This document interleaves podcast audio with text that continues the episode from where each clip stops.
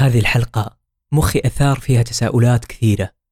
بعضها قدرت أجاوب عليها والبعض الآخر خليتها لكم تشاركوني إجاباتها.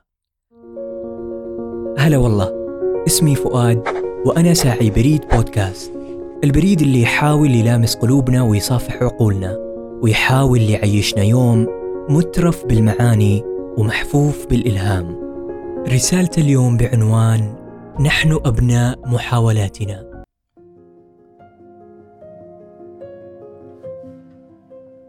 ما في مكان أضيق من أنك ترجع لفراشك نهاية يوم متعب.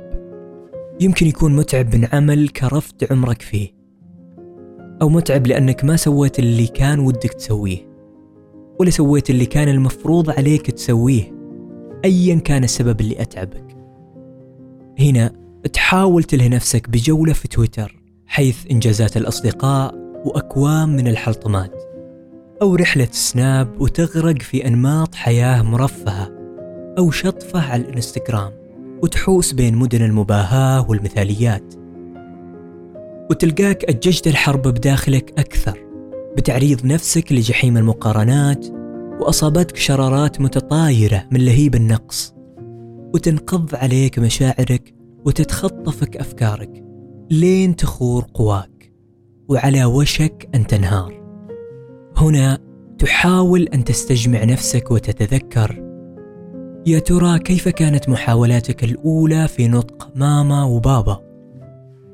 هل يحضرك شيء من كبواتك وأنت تحاول المشي؟ ماذا انتابك من شعور وأنت تنتقل من الكتابه بقلم الرصاص إلى الكتابه بقلم الحبر؟ أول مرة ارتقيت فيها منصة الإذاعة المدرسية كيف كانت؟ ألا زلت تذكر دموعك التي انهمرت على مادة استعصت عليك مذاكرتها؟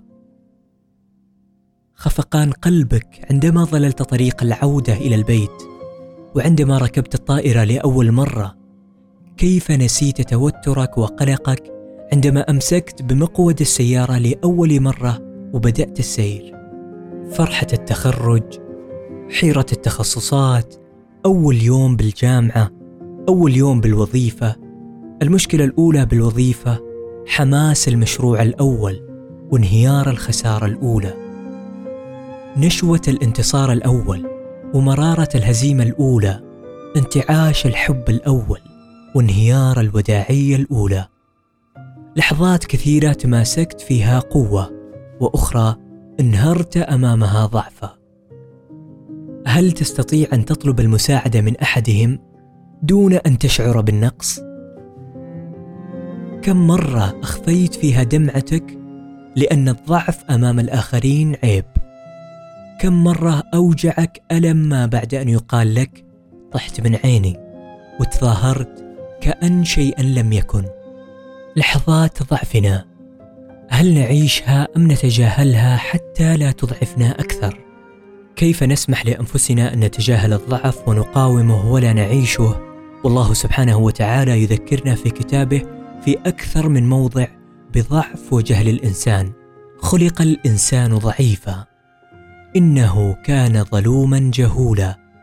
والأنبياء والرسل جميعا عاشوا الضعف بكل صوره ومعانيه حتى عرفوا مكامن القوة وكوفئوا بالتمكين.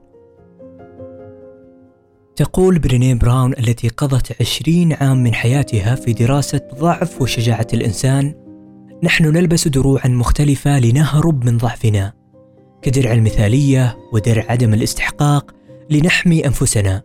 وفي الحقيقة هذه الدروع تحجبنا عن الناس فنعيش تائهين منعزلين. والمثالية هي أن تعيش حياة بلا أخطاء وتعمل في عمل كامل بلا قصور. وتكون أسرة بلا مشاكل وتنعم بصحة جيدة دون أن تمرض. أن تعيش مكشوف القلب ليس بضعف بل على العكس تماما. لحظات ضعفك هي حقيقتك وهي من صنعت ذلك الإنسان الذي تراه متماسكا أمامك رغم كل ما عاشه من ضعف وانكسار.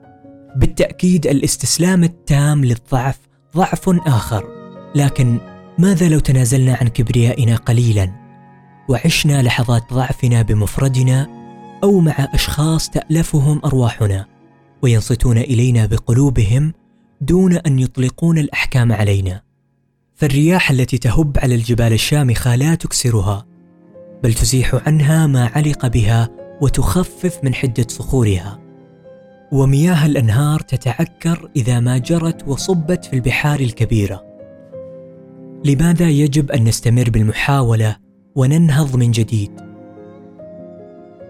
مع تكالب المشاكل والهموم علينا ننسى لوهلة أن حياتنا تتوقف إذا ما استمر مؤشر نبض القلب على خط واحد مستقيم وأن الحياة كل الحياة في ارتفاع هذا المؤشر وانخفاضه وأن كل خريف يعقبه صيف وربيع. قد لا نصيب أهدافنا بعد محاولات مريرة لكننا نعلم يقينا بأننا اختبرنا أقصى قدراتنا واستنفدنا كل محاولاتنا وأن ليس للإنسان إلا ما سعى. ونعلم جيدا أن الفرص التي لم نستثمرها قد لا تناسبنا إن خضنا غمارها وأن التجربة السيئة أكسبتنا خبرة جيدة والمحاولة الفاشلة دلتنا على طريق نجاح آخر والعلاقة التي سممتنا عززت من مناعتنا في فهم الناس والتعامل معهم. هذه اللحظة التي تكون فيها مثقلا باليأس والضعف وتكاد تختنق هي المفصل ولك الخيار. إما أن تقاوم الضعف الذي اعتراك وتمسح دموعك وتكمل طريقك وتتجاهل كل ما يدور في صدرك من ضيق وتمضي بلا التفاتة. ثم مع أول مواجهة حياتية تسقط مغشيا عليك وتعود لنقطتك الأولى. أو أن تتقبل وتسمح لنفسك بالبكاء والشعور باليأس والعار والفشل والفوضى ثم تسري فيك قوة عجيبة للنهوض. والمضي قدما بعد أن كادت أقدامك لا تقوى على حملك. هذه هي نقطة المواجهة الحقيقية وهنا سر الانتصار. أن تقوم وكل ما حولك يدعوك للاستسلام وتكمل حتى لو لمحت الانهيار. هنا تتذكر أسبابك ودوافعك الأولى. لماذا بدأت؟ هل ما عشته كان حقيقيا؟ وتحاول أن تزيح عنك الضباب قليلا لتلمح اعلاما من وجهتك المنشودة. أين تريد أن تكون؟ وتنظر إلى الوراء قليلا فتجد انطلاقاتك وكبواتك. وتراك بعدت كثيرا عن حماس البدايات وخيبات المنتصف وقريبا قريبا جدا ستستشرف النهايات. ماذا تعلمت؟ كيف كانت رحلتك؟ هل استمتعت بالرحلة أم استعجلت الوصول؟